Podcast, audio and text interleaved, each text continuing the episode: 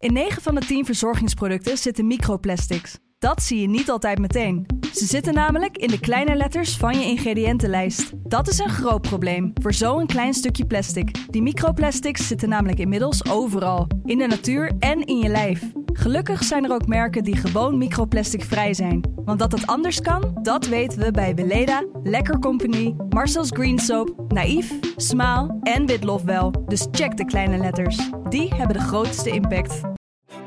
En twee ministers die eigenlijk, uh, nou voor mijn gevoel, allebei niet op de juiste plek zitten. Want de een wil eigenlijk alsnog minister Ja. van Financiën zijn, de andere juist minister van Buitenlandse Ja, Zaken. die, die En- foute En typecasting die is echt nog totaal steeds... ook niet meer met elkaar door één deur kunnen. Nee, dat, blijft- dat blijft ook allemaal heel wonderlijk. Ja. Ongetwijfeld ook de beelden van Lowlands gezien. Dus ik schat in dat je er niet bent geweest. Maar eh, Wat is dit nou weer? gezien je leeftijd. Dit is Kwestie van Centen.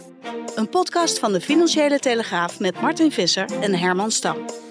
Hartelijk welkom allemaal. We zijn weer eh, fris en fruitig terug van vakantie, eh, toch Martin? Je ziet er Zeker. heel eh, de, goed geluimd uit als Zeker. hi- Highlander. Want je bent Ja, in Schotland ik geweest. ben in Schotland geweest. Dus ik ben zeker fris en fruitig. Ik bedoel, ik ben helemaal schoon geregend. toch? Oh, was het echt zo erg? Ja? Nee, het dat viel wel mee. bij- altijd mijn angst een beetje als ik naar dat soort landen zou gaan. Ja, nee, dat viel, wel- dat viel wel mee. Maar het is wel een vakantie waarbij je regio's moet meenemen. En die heb ik ook aangehad. Ja. Oh, en het monster van Loch Ness gezien. Nee, nee, nee, nee, nee. We zijn daar niet geweest. We een keer eerder hebben we dat wel gedaan. En toen het monster was ook niet gezien. Oh, niet? Nee, ik dacht, je, hebt, je komt hier Maar misschien voor de- voor- binnen.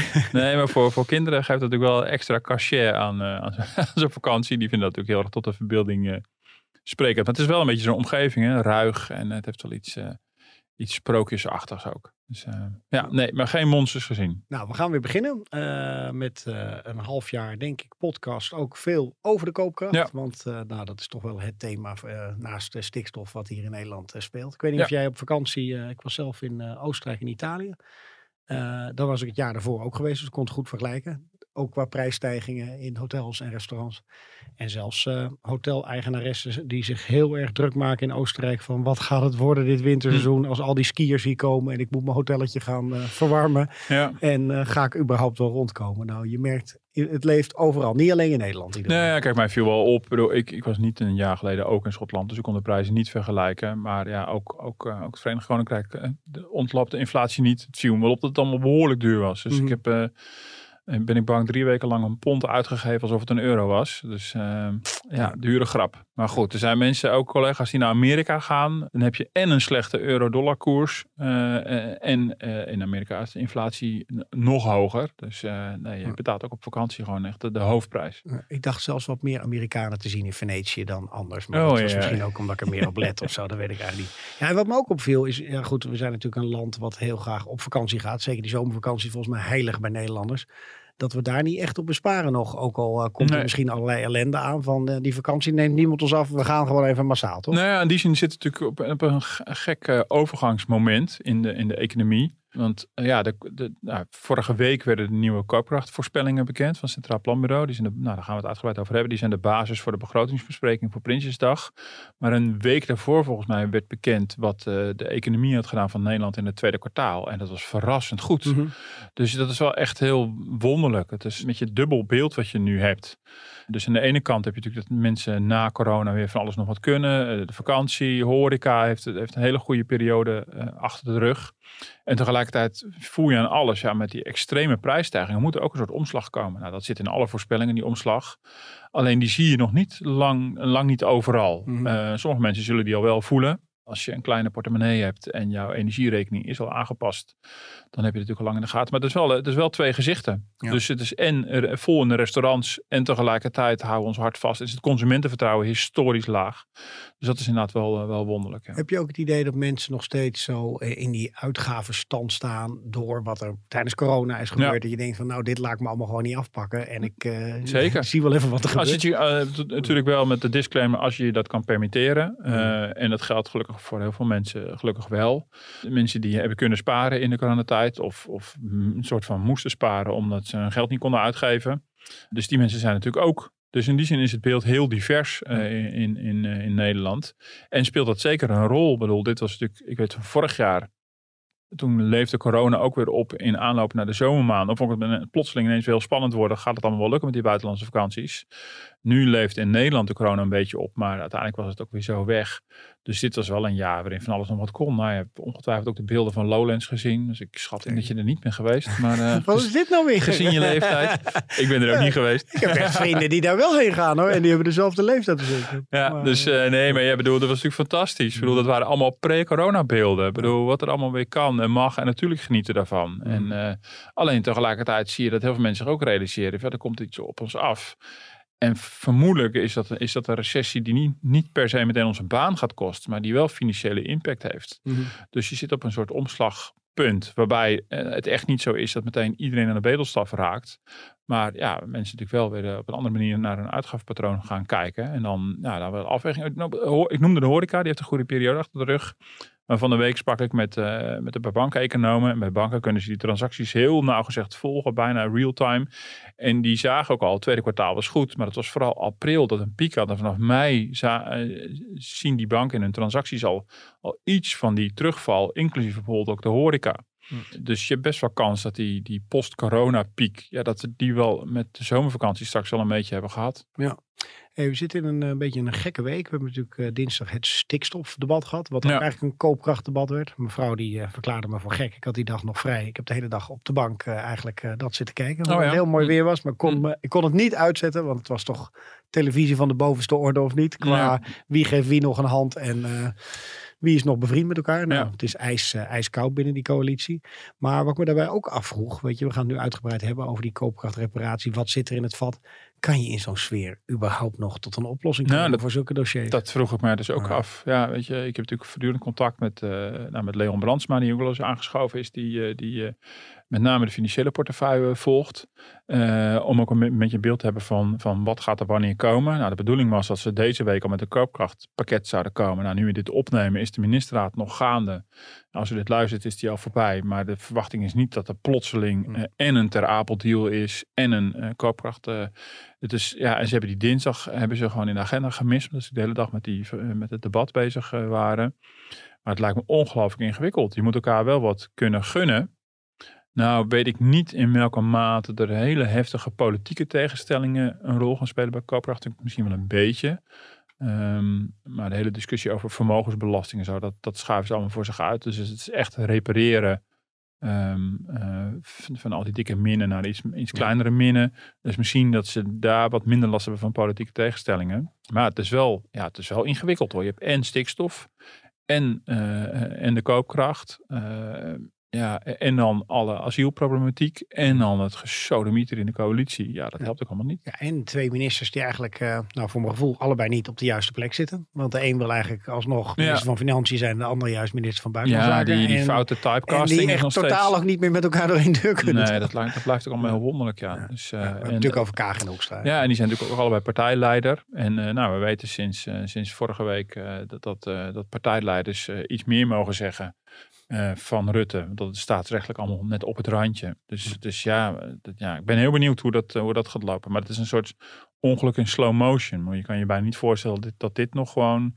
de rit gaat uitzitten. Terwijl tegelijkertijd de vraagstukken die op het bordje liggen zijn levensgroot. Maar goed, daar komt het natuurlijk deels ook Mhm. door. Ja. Dus dat, Nou, dat is één ja. voordeel. Hè. Ze moeten misschien wel elkaars hand heel lang vasthouden. Want als er nu eh, nieuwe verkiezingen komen, zullen ze Ja, ook wel een harde- Zeker, maar dat, krijgen, ja, toch? nee, maar dat veronderstelt dat, eh, dat, dat alles rationeel is. En dat is het natuurlijk niet. Natuurlijk is het zo dat het feit dat, dat, dat heel veel partijen een electorale afstraffing te wachten staat, is een reden om, om zo lang mogelijk de boel bij elkaar te houden. Maar er komt ook een moment dat het onhoudbaar is. Het is niet, bedoel, niet alles is Ik bedoel, eh, eh, en, en je weet nooit waar die bananenschil uiteindelijk ligt. Hmm. Dus ja, dus dat was ook in het Zou, zou je trouwens een goed idee vinden? Kijk, dit zijn enorme thema's waar we voor staan. Hè? Dat het eigenlijk gewoon tot verkiezingen komt. Omdat Ja. mensen ook veel beter kunnen kiezen van luister, dit vind ik van stikstof. En zo Ja. zou de route moeten zijn. Ja, In plaats van dat ze dat nu in de een coalitie bekokstoven. Ja. Mm, nou, ik, nou, ik zou niet enthousiast zijn. Ja. Nee, nee. Ik begrijp, dat er is wel iets voor te zeggen. Je kan, je, je kan heel goed redeneren. Eh, Volgens mij, eh, dat, dat, volgens mij vind jij dat. Want ik, eh, dit, dit heb ik van de week al eerder gehoord. Ja, ja, je hebt het van de week ook gehoord. Ja. Ja, ja, van, ja. ja, weet je, dit is zo majeur. Ik bedoel, waarom doe je dit buiten de kiezers om? Mhm. Tegelijkertijd denk ik, ja, maar dit is ook geen verrassing, beste mensen. Ik bedoel, we weten toch al jaren dat dit moet gaan gebeuren. Ja, ik ken niet alle technicalities van het stikstofdossier. Ik kan niet beoordelen wat er uh, goed was en fout was aan dat kaartje waar, waar het hele tijd over ging. Mhm. Uh, natuurlijk is in de communicatie heel veel misgegaan. Uh, ongetwijfeld kan de stikstofprobleem ook worden opgelost op een iets minder ruige manier. Dat, zal allemaal, dat weet ik allemaal niet exact. Maar dat daar een levensgroot probleem ligt. Dat door allerlei coalities jarenlang is doorgeschoven. Dat is natuurlijk al lang bekend. Dus, dus dat, dat onze landbouwsector te groot en te massief is voor zo'n klein dichtbevolkt land dat weten we natuurlijk ook. We weten ook dat de risico's op allerlei virussen uh, die overgedragen worden van, van dier op mens, die risico's zijn in een land als Nederland ook levensgroot. Ook weer opnieuw dichtbevolkt en heel veel dieren op, uh, op een kleine oppervlakte. Dus dat daar een opgave ligt, is natuurlijk duidelijk. Mhm. En ik, ja, en ik snap, ik snap heel goed je punt, wat je dus niet gemaakt hebt, maar van ik weet. Ja, ja, je weet van, dat ik ja, dat wil bedoel, maken. Maar laten, ja. laten, laten kiezers daar dan wat over zeggen. Maar ik heb inmiddels totaal geen vertrouwen meer in het niveau van het debat wat daaruit gaat voortkomen. Ik hou me hard vast. Ik, bedoel, ik moet zeggen, de afgelopen jaren keek ik al steeds minder vaak verkiezingsdebatten, omdat ik me compleet geneer. Dus totaal niet meer informatief. Dit wordt totaal platgeslagen. Dit wordt één grote populistische brei van alle kanten. Hoor. Echt niet van één kant. Dus ik, ja, ik denk niet dat we daar als kiezer nou heel erg mee opgeschoten zijn. Maar goed. Maar misschien moet je je punt gewoon even maken. Nee, Want ik nee, het nou voor is jou dat in. precies, het is op een hele mooie manier precies andersom gebeurd. Maar eh, vind je dan dat Hoekstra te makkelijk gezwicht is van, nou, er is nu heel veel ophef natuurlijk, protest. En van, nou, dan ga ik maar in een interview met Nou, maar dat- nee, dit roepen, dat het toch meer tijd genomen ja, moet worden. nou, kijk, dat, dat, dat op een gegeven moment de coalitie zou zwichten, daar kan ik nog begrip voor opbrengen. Mm. Ik snap best, bedoel, eh, als je hem in ieder geval zwicht op een manier waarop je het niet in ieder geval voor je uitschuift, maar dat je op een gegeven moment zegt, nou, we gaan de scherpe randjes ervan afveilen. Kijk, wat natuurlijk ook gewoon een, een, een luizenstreek is, is dat je natuurlijk gewoon weet dat de VVD hier ook moeilijk mee heeft. En, en dat er een VVD-minister op zit. En dat je denkt, nou, ik ga via de krant, ga ik even lekker dit geluid laten horen wat mijn partner, coalitiepartij ook wel graag had willen laten horen, maar waar zij niet de politieke ruimte voor hebben. Ja, dat is natuurlijk gewoon echt een minne streek. Mm. En, eh, ehm, ja, dus, en dat je dan de uitkomst is dan, ja, ik sta achter het coalitieakkoord en achter mijn interview. Ja, dat kan natuurlijk niet allebei waar zijn. Dat is echt gewoon gelul. En, en dat Rutte dan in ieder geval nog die ruimte geeft, staatsrechtelijk, ja, blijft ook allemaal heel wonderlijk. En ja, dan wordt er gezegd, ja, Mona Keizer moest destijds aftreden omdat zij geen partijleider was. Ja, maar ook Hoekstra heeft natuurlijk gewoon getekend voor het regeerakkoord. En, en normaal is het in Den Haag zo dat je als partijleider meer ruimte krijgt om je uit te spreken in aanloop naar verkiezingen. En dan is het ook een soort stilzwijgende afspraak van nou nu beginnen we daar ongeveer mee. Maar misschien weten ze al meer dan wij.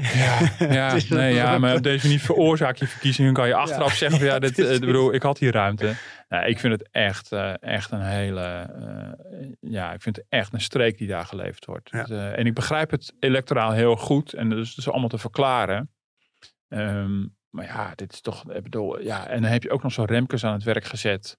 Ja, wat, wat, ja, je, je ondermijnt ook. Ja, je moet weer een soort tovertruc gaan uithalen Ja, met zijn ja, behalve natuurlijk inderdaad als Remkes met deze uitkomst gaat komen. Anders had dat altijd al de bedoeling was geweest. Maar het is, Wat eh, zomaar eens zou kunnen, toch? Wat Om- zomaar eens zou kunnen. Maar ik vind het echt een eh, zeer minne streek. Ja. Ja, ik eh, vind het echt politiek met een kleine p. Het is zo doorzichtig ook. Zo Maar totaal in dat, want- voordat we, ik vind het razend interessant en ik wil het heel lang ook over stikstof hebben, maar we hebben beloofd dat we het ook vooral over koopkracht gaan hebben. En in, in dat interview, om even de, de, de sprong terug te maken, eh, noemt Hoekstra ook die 10 miljard. Ja. Hè? En dat was ook natuurlijk wel opvallend, want dat is nodig volgens hem voor koopkrachtreparatie. Dat getal hadden we nog niet gehoord volgens Nee. mij tot dan toe. Nee. Eh, hoe komt hij daar überhaupt bij? Is daar iets een onderbouwing? Nou ja, het is niet zo heel gek, want eh, het huidige pakket, want eh, bedoel, we doen soms een beetje alsof er in Nederland niks is gebeurd aan koopkracht. Dat is niet helemaal waar. Het huidige pakket kost al bijna 7 miljard. Dus ik kan me heel goed voorstellen, er zitten een aantal elementen in. Er is geld naar de minima gegaan, een energietoeslag van 1300 euro. De BTW op de energierekening is verlaagd en de energiebelasting is verlaagd. De, de BTW op eh, de accijns op eh, benzine is ook verlaagd. Eh, dus ik kan me voorstellen dat je die dingen minstens wil continueren. Want als je dat niet doet, dan knallen de prijzen op 1 januari omhoog. Want die lopen allemaal af aan het eind van het jaar.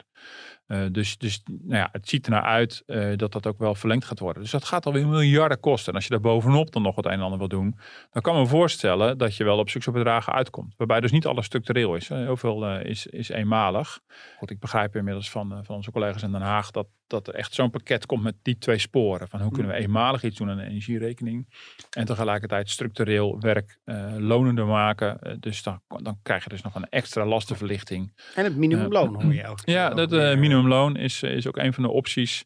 Nou ja, eh, Verhoging dan. eh, verhoging, ja. ja die, en daar, het- daar het, het, het, het sympathieke daarvan is, dat was al de bedoeling. Alleen zou het stapsgewijs gaan. Dat zou je nu in één klap kunnen doen. Mhm. Dus maar dat je in, orde, in die orde van grootte praat, is ook wel, eh, is wel logisch. En dan snap je ook waarom het kabinet tot nu toe ook de boot wat heeft afgehouden. Omdat ze dat van ja, maar als het niet echt per se nodig is, dan willen we niet zoveel miljard uittrekken. Mhm. Wat mij een beetje verrast, is dat het kabinet weer verrast was door die ramingen. Met al die, die koopkrachtdaling van in doorsnee 6,8% dit jaar. Ja, volgens mij kan dat geen verrassing zijn. Ik bedoel, dat zagen we natuurlijk voor mij. ik bedoel, ja, ik heb het in de vakantie allemaal meegekregen. En ik heb in de vakantie wel de krant gewoon steeds gescand. En eh, in ieder geval een beetje bij te blijven. En ik dacht, ja, het nieuws is eigenlijk geen zak veranderd. Alleen we hebben er nu eigenlijk een, een getal opgeplakt. Mhm. Dit zagen, daar heb je het toch vaker over gehad. Dit is gewoon de uiteindkomst van het feit dat de inflatie bijna 10% is eh, dit jaar. Dan, gaan, dan, gaan, dan ga je dit soort uitschieters krijgen. Ehm, en dat is natuurlijk wel een beetje het treurige. Want het kabinet koos natuurlijk voor van nou, nee, we wachten eerst de cijfers af en dan gaan we pas een pakket maken. Dat is procedureel is het allemaal heel logisch. Maar nu is het argument, ja, maar nu is het nog te laat om voor het huidige jaar Ja, nog in ja, te grijpen. Je denkt, ja, hallo. ook niemand toch, dat- weet je, goed, jij weet het beter dan ik, maar weet je, met zo'n NOW-steun voor die bedrijven, dat was, eh, nou, was iedereen wel tevreden over, was vrij snel in elkaar getimmerd, toch? Ja. En eh, daar kan je ook van alles van vinden, want dan komt natuurlijk bij sommige bedrijven terecht die het minder nodig hebben, maar er zat lekker tempo achter. Hoezo kan dat bij dit soort dingen niet? Wat is dan allemaal Ja. de moeilijkheid? Ja, nou, de, ehm, nou dat is, ja, er zijn heel veel verschillen. Eh, maar de overeenkomst is wel, eh, ben je bereid om ook compensatie eh, terecht te laten komen bij mensen die het niet nodig hebben. Mhm. Ehm, en dat is wel de overeenkomst. En toen bij, die, eh, bij de coronasteun, dat was NOW en de TVL de vaste lasten. NOW is voor de loonkosten en TVL voor de vaste lasten. Nou, er zijn allerlei andere belastinguitstelsels geweest. En toen is toch de redenering geweest, ja, we gaan proberen om de re- regels zo te maken dat het echt alleen maar terechtkomt bij ondernemers die het geld ook echt hard nodig hebben. Je moet laten zien hoeveel omzet je achteruit bent gaan gaan. Maar men wist ook wel, ja, het is zo'n simpele regeling eigenlijk, dat ook allerlei bedrijven die het niet per se nodig hebben, ook gaan profiteren tussen aanhalingstekens. Dat is toen voor lief genomen, omdat er gewoon een acuut probleem was met een, eh, ja, een economie die van het een op het andere moment echt gewoon binnen een week eh, anders voor een heel groot deel tot stilstand zou komen. En daar is natuurlijk heel snel op gehandeld. En dat is wel de overeenkomst inderdaad. Met nu ben je bereid om eh, in dit geval dan dus huishoudens, eh, eh, de- de- de- de- privépersonen, eh, gezinnen, mensen gewoon financieel te ondersteunen. En dan neem je dan dan je voor gewoon eerst accepteren dat het echt een acuut probleem is, Precies, wat het volgens ja. mij ook gewoon is. Ja, nou, en ik denk dat dat inderdaad de vraag is. Hoe uitzonderlijk is dit? Is het alle hens aan dek? Of, ehm, en misschien is dat besef met die nieuwe raming pas een beetje eh, geland. Nou, en ik vind het interessant. eh, misschien kunnen we zo het fragment Ja. even laten horen. Dat eh, bijvoorbeeld nou, twee belangrijke adviseurs van het kabinet, de Nederlandse Bank, Klaas Knot aan de ene kant, en het Centraal Planbureau Pieter Hazekamp aan de andere kant, daar ook allebei een ander spoor in kiezen. Allebei zeggen ze nee, de, de, de, de koopkrachtreparatie moet zo gericht mogelijk, dus op mensen die dat nodig hebben. Maar je proeft eigenlijk vooral aan de kant van het Centraal Planbureau, die, die wat dichter tegen het beleid aan zit, ook wel de erkenning van ja, maar ja, eh, als het gewoon niet mogelijk is om het gericht mogelijk te doen, eh, dan moet het maar wat ongerichter. Maar je moet iets doen. Misschien kunnen we even Ja. naar luisteren. Ja, ik denk dat je ook moet kijken naar, eh, naar de energierekening zelf en wat je daar nog aan kan doen. Ik denk, ik ben het eens met Matthijs Bouwman dat het heel lastig zal zijn om daar rekening te houden met hè, verschillen tussen huishoudens. Maar wat daar bijvoorbeeld kan helpen is om de, de belastingteruggave die er nu is, eh, om die eh, eh, ook voor volgend jaar weer te verlengen. En dan bereik je met een vast bedrag eigenlijk alle huishoudens. Dus eigenlijk de maatregelen die al voor dit jaar waren, die voor te zetten voor volgend jaar. Die maatregel wel. Of dat voor alle maatregelen geldt, hè, zoals de btw-verlaging die er ook is. Daar kan je over discussiëren, want dat, is, hè, dat begint dan wel echt wat meer op dat schothagel te, te lijken. Ik denk dat je zo gericht mogelijk moet zijn. En tegelijkertijd ook eens, eh, het, het zal voor een deel eh, ook terechtkomen bij mensen die het wat minder nodig hebben. Maar dat moet dan maar, zegt u? Dat moet dan maar. Ja. Ja. Ja, dat vond ik dus typerend. We horen Marielle Tweebeke van Nieuwsuur. Eh ze had een reportage gehad. We hebben het natuurlijk verhaal ook in de krant gehad. Eh, eh, in dit geval hadden ze twee huishoudens vergeleken... die allebei in een huurwoning woonden van een woningcorporatie. En het ene, de ene mevrouw had het geluk dat de woningcorporatie het huis al had verduurzaamd. Het was goed geïsoleerd. Dus die mevrouw die was ja, bijna tot tranen ge- geroerd hoe goed ze het voor elkaar had. Want haar energierekening was enorm gedaald. En dat, dat had grote impact op de bescheiden portemonnee die ze heeft. En de andere mevrouw, die woonde nog in zo'n doorwaaiwoning, waar we het vaak over hebben gehad. En die, ja, die zit echt gewoon helemaal klem. En die vallen wellicht, dat weet, wisten we niet helemaal, in min of meer dezelfde inkomensgroepen. Dus die, die, die vallen wellicht eh, in de CPB-cijfertjes allebei in een dramatische koopkrachtval. Alleen uh, de, de, de koopkrachtcijfers maken geen onderscheid tussen de energielabels van een huis. Ja. Uh, en, uh, en hier zegt dan in dit geval Pieter Hazekamp van Centraal Planbureau. Ja, nou weet je, het is ook als je minimumloon verhoogt. Of ook als je de uitkeringen zou verhogen, weet ik veel. dan tref je ook mensen die toevallig dan wel het geluk hebben dat ze in een goed geïsoleerd huis wonen. En minder last hebben van die extreme energie uh, prijsstijging dan andere mensen. Maar dat moet dan maar. En... Ja, ik las je column erover. en uh, volgens mij zit je ook een beetje op die lijn. Ja, van, zeker. Uh, ja. He, he, ja. We worden een beetje wakker. En ik ben precies zo iemand met zo'n nieuwbouwwoning. En nou, inderdaad, voor mij is er niet zo heel veel aan de hand tot nu toe. Ik kijk Nee. elke keer naar het verbruik. En wat ik dan denk van, nou, prima, prima. En ik voel, kreeg er toch een beetje een nare smaak bij. Dat zou je Ja. niet zo snel geloven van mij. Ja, kijk, maar dat- ik dacht van, ja, ja. dan krijg ik ook een uh, overcheck of tegemoetkoming. En ik heb het eigenlijk qua energierekening niet. niet Nee, dat snap ik. Nou, dan heb je natuurlijk inderdaad, en dan heb je, je hebt natuurlijk het punt van, uh, in dit geval ging de reportage ook heel erg over twee mensen met een laag inkomen in een huurhuis. Mm. En daar zijn dan verschillen. Dus dan zie je in die lage inkomensgroep dat er verschillen zijn. Maar daarbovenop heb je nog ook nog een keer de discussie van, maar moet je alle inkomensgroepen gaan compenseren? Dus dat heb je natuurlijk ook.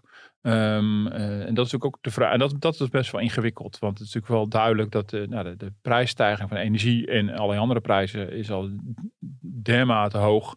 Dat echt niet alleen minima worden geraakt, maar ook de middeninkomens of niet de lagere middeninkomens. En daar heb je dat onderscheid natuurlijk ook. Dus hoe meer hoe meer inkomenscategorieën je gaat compenseren, hoe groter dit vraagstuk wordt. Ja.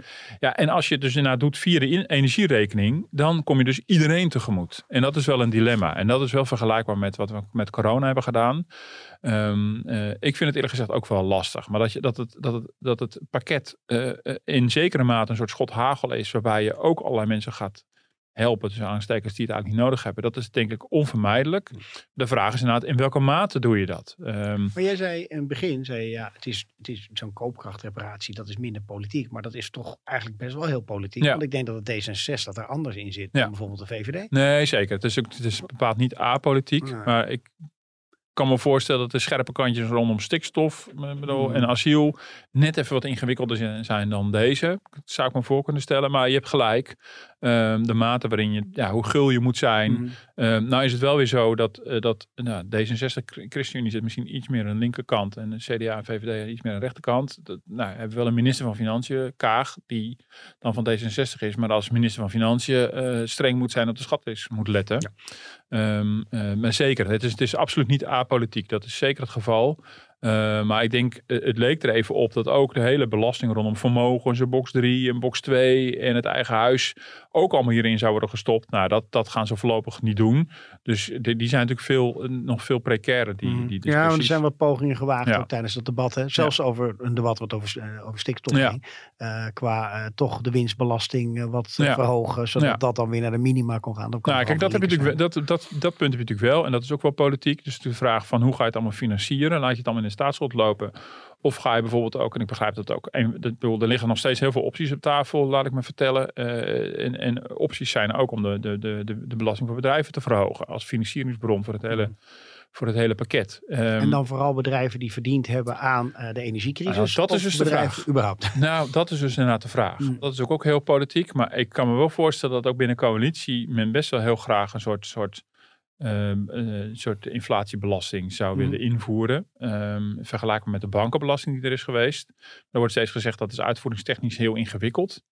Dat waag ik te betwijfelen. Het wordt alleen natuurlijk wel een beetje willekeurig. Bedoel, want dan moet je. Ja, de bankenbelasting was natuurlijk een, uh, was natuurlijk een belasting voor, voor één specifieke branche. En hier moet je ook dan uh, enkele branches uitkiezen. Wetende dat je, dat je ook allerlei branches niet doet. Maar je zou natuurlijk wel degelijk iets voor olie- en energiebedrijven kunnen doen. Uh, voor de voedingsmiddelen en de supermarktenbranche. Moet je ook maar weer net vinden waar het hoofdkantoor zit. En of Ja. het dan inderdaad Ja. wel goed loopt. Maar dat het inderdaad of- dat het allemaal, dat het allemaal niet netjes is. eh, en dat het een soort belasting wordt met raafvoorranden, dat Mhm. begrijp ik ook. Maar ik zou het op zijn minst natuurlijk wel onderzoeken. Ik bedoel, het is natuurlijk wel evident dat sommige bedrijven echt spekkoper zijn van deze, van deze prijsstijgingen. En dat, je, eh, en dat je dat liever niet wil. Want ik moest zo lachen op een bericht van een collega van ons hier. Die had dan getwitterd over die muntjes die ze gingen afschaffen bij Albert Heijn. Ja.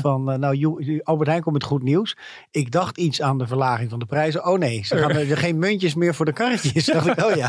Nou ja, dat is wel een beetje de stemming die nu Ja, is. Van, ja, er zeker. zijn gewoon bedrijven Ja. die heel veel geld verdienen Ja. aan al die eh Zeker. omhoog Nou, in, eh, in Zweden, eh interessant bericht, eh, gaan ze dat nu onderzoeken. Eh, het Zweedse Centraal Planbureau gaat het onderzoeken. Ik zou zeggen, het lijkt me meer iets voor de mededingingsautoriteiten overigens. Maar het heeft ook wel te maken met, met onder andere met marktmacht. Hoe, hoeveel macht in de markt heb jij om, om mee te gaan in die prijsverhoging? Maar er zijn natuurlijk ook heel veel ondernemers die niet mee kunnen gaan in die prijsverhoging. Of maar beperkt. Dus voor heel veel ondernemers is dat ook, ook worstelen. Dat weten we ook. De producentenprijzen zijn veel harder gestegen dan de consumentenprijzen. Dus ook tal van branches die slagen er niet in. Ik bedoel, daar is de, de, de, de concurrentie zo groot. Die kunnen die prijzen niet zomaar doorberekenen. Of die zitten, eh, de, de, de, het zijn leveranciers van supermarkten. En die hebben minder macht dan de supermarkten. Dus de supermarkten die, die, die, die, eh, die dwingen dan af dat niet al die, die, kosten worden doorberekend. Nee, maar dat is wel een interessante gedachte. Nou, ik zie alle uitvoeringsproblemen zie ik wel degelijk hoor. Maar dat zou je wel moeten onderzoeken. Maar wat ik begrijp is dat eigenlijk het tegenovergestelde eh, mogelijk op de agenda staat. Namelijk het, het, het over de volle breedte gewoon zware belasten van bedrijven. En dan kan er naar de vennootschapsbelasting worden gekeken. Dat zou bijvoorbeeld ook het lage tarief kunnen zijn. Dan pak je vooral het middenbedrijf. Ja, dat lijkt me een hele rare uitkomst. Dat je dan die grote bedrijven die, die profiteren van wat er nu gebeurt laat wegkomen. En dan andere bedrijven die juist heel erg worstelen hiermee Mhm. eh, eh, aanpakt. Maar goed, eh, ja, ze, ze moeten wat. En je ziet natuurlijk wel dat... Zit er niet ook ruimte in? de overheid is gewoon ook meer geld aan het verdienen. Qua, Ja. of tenminste, er, er is geld over. Aan de ene kant begreep ik, er zijn heel veel projecten die niet uitgevoerd kunnen worden door personeelsgebrek. Dus dat daardoor gewoon geld op de plank ligt. En dat je gewoon meer inkomsten hebt, bijvoorbeeld door aardgas, omdat je meer BTW vangt erop. Nee, zeker. En je om, ziet om, het- ook om het gewoon... daarmee te financieren Ja, zeker. Dat, dat, dat, dat kan natuurlijk wel degelijk. En eerdere pakketten hadden dat, hadden dat eh, die, die financieringsbronnen al volgens mij ten dele. En sowieso eh, zie je dat de overheidsfinanciën het heel erg goed doen. Eh, de staatsschuld gaat straks tot ongeveer 47% terugzakken. Dat is natuurlijk ongekend. Ja. Begroting, we hebben wel een begrotingstekort, maar dat is veel kleiner dan we aanvankelijk dachten. Je, hebt, je hebt gelijk, in 2023 eh, kunnen mogelijk niet alle, alle ambities van de overheid worden uitgevoerd met extra uitgaven. Dus de financiële ruimte is er. Ehm, eh, maar ja, is inderdaad wel, is wel de vraag, hoe genereus ga je zijn? En hoe kwalificeer je dus ook wat er nu staat te gebeuren? Kijk, heel veel economen hebben het over, we gaan straks in een milde recessie komen of een technische recessie. En dan zeggen ze natuurlijk, eh, dat zeggen ze omdat eh, de recessie niet gepaard gaat met massawerkeloosheid. Dus dan is een beetje het idee van, het valt allemaal reuze mee. Er zijn ook, de- nou, zoals de Nederlandse Bank en een aantal andere economen die zeggen, nou, je, moet- je moet niet te veel compenseren, want het ongerichte, dat is alleen maar, eh, alleen maar zonde van het geld. Dat is allemaal niet effectief. En wordt erbij gezegd, de economie draait al op volle toeren. Dat dan alleen maar verder aan. Dan geef je mensen meer, meer bestedingsruimte. En dat is alleen maar aanjagend voor de prijs. Denk ik al, dat moeten ze lekker zeggen bij de Nederlandse bank. Ja. Die altijd ook zo'n voorstander zijn van, nou daar zijn ze niet helemaal voorstander van. Maar natuurlijk ook wel onderdeel van de, de ECB die ook Ja. geld heeft, extra heeft gepompt in de Ja, economie. nee, zeker. Dus dat is, heeft gehad nee, zeker. inflatie. Nee, die dubbele pet heeft de ECB, heeft, heeft de Nederlandse bank natuurlijk zeker. Hmm. Maar dat vind ik wel opvallend dat dat dan ook als argument wordt gebruikt. En de economie draait misschien nu al op volle toeren. En met die krappe arbeidsmarkt zie je dat, we, dat de vraag naar, naar goederen en diensten veel groter is dan de economie aan kan. Vandaar Mm. al die tekort aan mensen. Ehm, eh, maar tegelijkertijd gaat er natuurlijk wel een omslag komen. Tenminste, als die voorspellingen allemaal uitkomen. Namelijk de consumptie die omlaag gaat. Mensen zullen minder te besteden hebben. Gaan minder uitgeven. Dus die vraag die gaat dus enorm afnemen. Het enige wat die vraag overeind houdt is de overheid. De overheid, volgend jaar, de, de voorspelling is dat volgend jaar de economie met ongeveer een procent groeit. En voor een heel belangrijk deel komt dat door de consumptie van de overheid, zoals we dat, zoals we dat in economentaal noemen. Nou, dan moet nog maar blijken of dat allemaal lukt. Of al die ambities die er zijn eh, voor extra uitgaven allemaal gaan lukken. En als dat niet in die mate slaagt, dan zal je zien dat de economische groei veel lager is. Ja, en misschien hebben we dan niet, we hebben dan niet een recessie zoals we uit de jaren tachtig nog kennen. Eh, eh, ook niet zoals we die van de kredietcrisis nog kennen. Maar er is natuurlijk wel iets aan de hand. Ik bedoel, als je naar de koopkrachtontwikkeling kijkt, hoe dat van jaar op jaar is gegroeid. Dat stond ook in, die, in, in- in mijn column. En je kijkt gewoon de groei van de koopkracht cumulatief, dus opgeteld in de loop van de jaren. Ja, dan vallen we echt gewoon vele jaren terug eh, in koopkracht. En dat heeft natuurlijk impact. Mhm. dat, dat is ontegenzeggelijk. En dat je daar als kabinet iets mee moet, dat lijkt mij dus logisch. En dan is de vraag, ga je eh, mensen compenseren? En dan krijg je dus de argument gericht of ongericht. Of is eigenlijk de kwestie van, gaan we de, de negatieve gevolgen van, voor de economie zoveel mogelijk beperken? Dat is een beetje een vraag die met de coronacrisis speelde. Mm. En dan doet het ongericht en gericht iets minder ter zake. Dan wil je gewoon de economie eh, een steuntje in de rug geven. Ja. Nou, ik vind het heel onduidelijk hoe ver men, eh, men is. Nou, misschien ook wel. Ja, precies, ik zit nu Sigrid ineens. Kaag, hè, de- ik neem een beetje jouw rol over. Nee, maar, eh, geen- ik ben alleen maar blij, want dan is het helemaal goed eh, getimed, de fragmenten. Ja. De, de vrouw die dinsdag eigenlijk even een kleine vapeur had, we weten Ja. nog steeds niet eh, wat er precies Nee. is. Of weet jij dat inmiddels wel? nee, nee, goed dat- ingevoerd nee, is? nee, nee, dat, dat, dat weet ik niet. Maar, Maar, eh, maar even, even weg ja. uit het debat, of Ja. even, de hele dag eh, ongeveer. Eh, mevrouw uh, Sigrid Kaag. Wat gaat u nu concreet bieden? Nou, vandaag kan ik daar geen concreet antwoord op geven. Ik zeg u dat we er al een hele tijd mee bezig zijn. We hebben natuurlijk als kabinet al bijna 7 miljard uitgegeven aan koopkrachtdemping. Het is niet genoeg. En dat is natuurlijk het grote probleem. Mensen verliezen. Je hoort alle verhalen dat mensen niet kunnen rondkomen. Dat is vreselijk. De armoedeval voor velen en ook voor kinderen is natuurlijk iets wat niet bij Nederland past. Dus we werken eraan. Tegelijkertijd moeten we kijken korte termijn en langere termijn. We kunnen niet alles wat we verdienen uitgeven. We moeten daar verstandig mee omgaan. Ja, dat, is, eh, dat zijn woorden die je moet gebruiken toch als minister van Ja, Financiën? een interessante bedoel is inderdaad al een aantal dagen oud het fragment. Je ziet wel dat eh, de communicatie is natuurlijk in de loop van de tijd veranderd. Want eh, eh, voor de zomervakantie hield haar verhaal op na het eerste deel van het antwoord. Namelijk, Mm. we hebben al heel veel gedaan. Eh, op een gegeven moment kwam er ook, eh, overigens na de vakantie, het verwijt van meerdere ministers tegelijkertijd richting werkgevers. De lonen gaan niet hard genoeg omhoog. Maar hier zit in ieder geval natuurlijk wel al de erkenning duidelijk in van we moeten, zullen nog meer moeten doen. Overigens heeft het ineens over armoedeval. Dat is een beetje wonderlijk. Want dat, dat goed, dat is een economenbegrip voor dat je als je meer gaat verdienen, dat je, dat je er toch minder aan overhoudt. Maar zij be- bedoelt hier te zeggen dat er volgens de ramingen meer mensen in de armoede terecht zullen komen. Dus heel dat die- armoede. Ja, ja, ja, Dus ja. armoedeval is iets Dus heel die anders. armoedegrens is dat meer, toch? Dat- ja, dus, eh, maar goed, dat valt verder niemand op behalve economen. Hey, armoedeval, dat is een, eh, dat is een jargonbegrip. Maar dat, dat is natuurlijk wel heel zorgelijk. Eh, dus dan, dan heb je het even over de, de onderste inkomensgroepen. dat heeft het Centraal Planbureau ook eh, wel laten zien. Die hebben ook een berekening gemaakt van hoeveel mensen belanden in de armoede. En inmiddels schatten zij in dat tegen de 10% van de kinderen in de armoede terechtkomen. Dus dat is natuurlijk wel heel zorgelijk. eh, waar het doelstelling van het kabinet is om de armoede te verkleinen, wordt die echt razendsnel vergroot. Eh, dus dan moet je acuut eh, iets mee. Maar je proeft ook wel tegelijkertijd met je de zuinigheid. En dat is een kwestie die je natuurlijk moet op- oplossen. Van gaan we à la de coronacrisis gewoon eh, vooral zoveel mogelijk dempen en dan eh, een enorm pakket eh, neerzetten. Of gaan we proberen zo gericht mogelijk financiële problemen op te lossen. En dat laatste zou natuurlijk heel fraai zijn, maar is best wel heel ingewikkeld. Ja. Dan krijgen we weer van ja, wat doe je dan met iemand op minimuminkomen die net zijn huis is geïsoleerd en eigenlijk er niet op achteruit gaat. Want dat, is, eh, ja, dat neem je dan voor lief waarschijnlijk. Ja, is het dan flauw als je bij haar ook weer die verge- vergelijking trekt? Zo van ja, bij stikstof vindt ze dat er meteen wel gehandeld moet worden. En bij dit kan je toch allemaal weer een beetje eh, vooruitschuiven. En, Ja, nou ja, meteen. Ik bedoel, de doelen van stikstof zijn van 2030. Nee, hè, dus snap eh, ik, maar meteen ja, tussen aanhalingstekens. Maar ja, nou goed. En ik moet wel zeggen, bedoel, de bedoeling was dat er gewoon nu al een pakket zou zijn. Nou, dat ziet er nou uit dat dat, dat dat pas na het weekend rond is. Dan is het ook nog relatief, voor Haagse begrippen, relatief snel gegaan. Eh, en ik denk, ben bang... Zit die haast er überhaupt nog in om dat voor de troonrede te doen? Dat maakt dan eigenlijk ook allemaal niet meer uit, toch? Qua... Jawel, nou ja, kijk, de, de, de, de deadline die er is, is natuurlijk eigenlijk de drukkerij voor de Prinsjesdagstukken. Ja. Eh, en daar van afleidt natuurlijk weer het moment dat de Raad van State natuurlijk eh, moet hebben kunnen oordelen. Mm. Dus op een gegeven moment moeten die stukken gewoon zijn ingeleverd. Dus, de- dus dat zit er wel in. Ja, en, ja, en er wordt ook steeds gezegd, voor dit jaar lukt er bijna niks meer. Ik denk dat dat wel een beetje klopt. Ja, je kan natuurlijk wel hele rare dingen gaan bedenken. Eh ik je kan natuurlijk de, de, de, de, rondom BTW kan je wel dingen doen per 1 oktober. Eh, heel hals over kop. Dat zou op zich nog wel kunnen. Eh, je kan in theorie, begrijp ik van de fiscalisten, ook nog de, de, de tarieven van inkomstenbelasting ook nog lopen in een jaar veranderen. Maar ja, dat wordt allemaal zo rommelig. Ja, ik denk dat je gewoon alles moet richten op 2023. Daar moet het grote pakket neergezet worden. En eh, nou, wat van de bedoeling is, een deel op energie gericht en een deel echt structureel voor eh, echte lastenverlichting.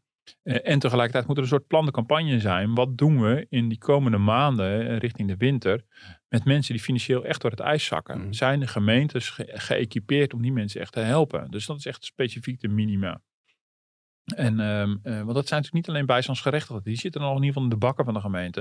Maar dat is natuurlijk een veel grotere populatie. Dat, dat, ja, dat is ook doorgerekend dat er mogelijk 1,2, 1,3 miljoen huishoudens ook financieel door het ijs gaan zakken. bedoelt mensen die nu eigenlijk niet bij die instanties eh, op de radar staan. Ja, en dan en eigenlijk in één keer wel hulp Ja, nodig hebben. Hoe krijg je die nou? ja, en daar eh, moet je misschien wel echt een, een specifiek plan de campagne voor hebben. Want dat is een echt een verschil. De ene kant, is het stutten van de koopkracht. En de andere is echt voorkomen dat mensen in schuldenproblematiek terecht gaan komen. eh, en het niet uitzingen tot en met 1 januari. Mhm. Maar het is niet zo dat heel Nederland in een problemen komt als het koopkrachtpakket pas op 1 januari ingaat. Dus eh, de discussie over wat kan er nog dit jaar ook wel een beetje semantisch in die zin. Ik denk dat de mensen die echt in de problemen komen voor 1 januari al, dus echt het hoofd niet meer boven water kunnen houden, ook overzichtelijk is. In aantallen in ieder geval. Maar van die mensen is niet overzichtelijk, maar voor de overheid. Alleen de vraag is, hebben we die in kaart? En en, en wat heb je dan klaarstaan om, om daar iets voor te doen? Ja. Vind je ook uh, eigenlijk dat ze dan wel te makkelijk wijzen naar het bedrijfsleven van ja, luister, het loopt gewoon nog steeds achter met salarisverhogingen. Ga daar eerst gewoon vooral eens aan. Ja, nee, veel te makkelijk. Ik ben het inhoudelijk in die zin mee eens. Dat, je ziet het ook wel een beetje in de voorspellingen dat de lonen stijgen wel. Ik bedoel, er, wordt een beetje gesuggereerd alsof er helemaal niks gebeurt. Maar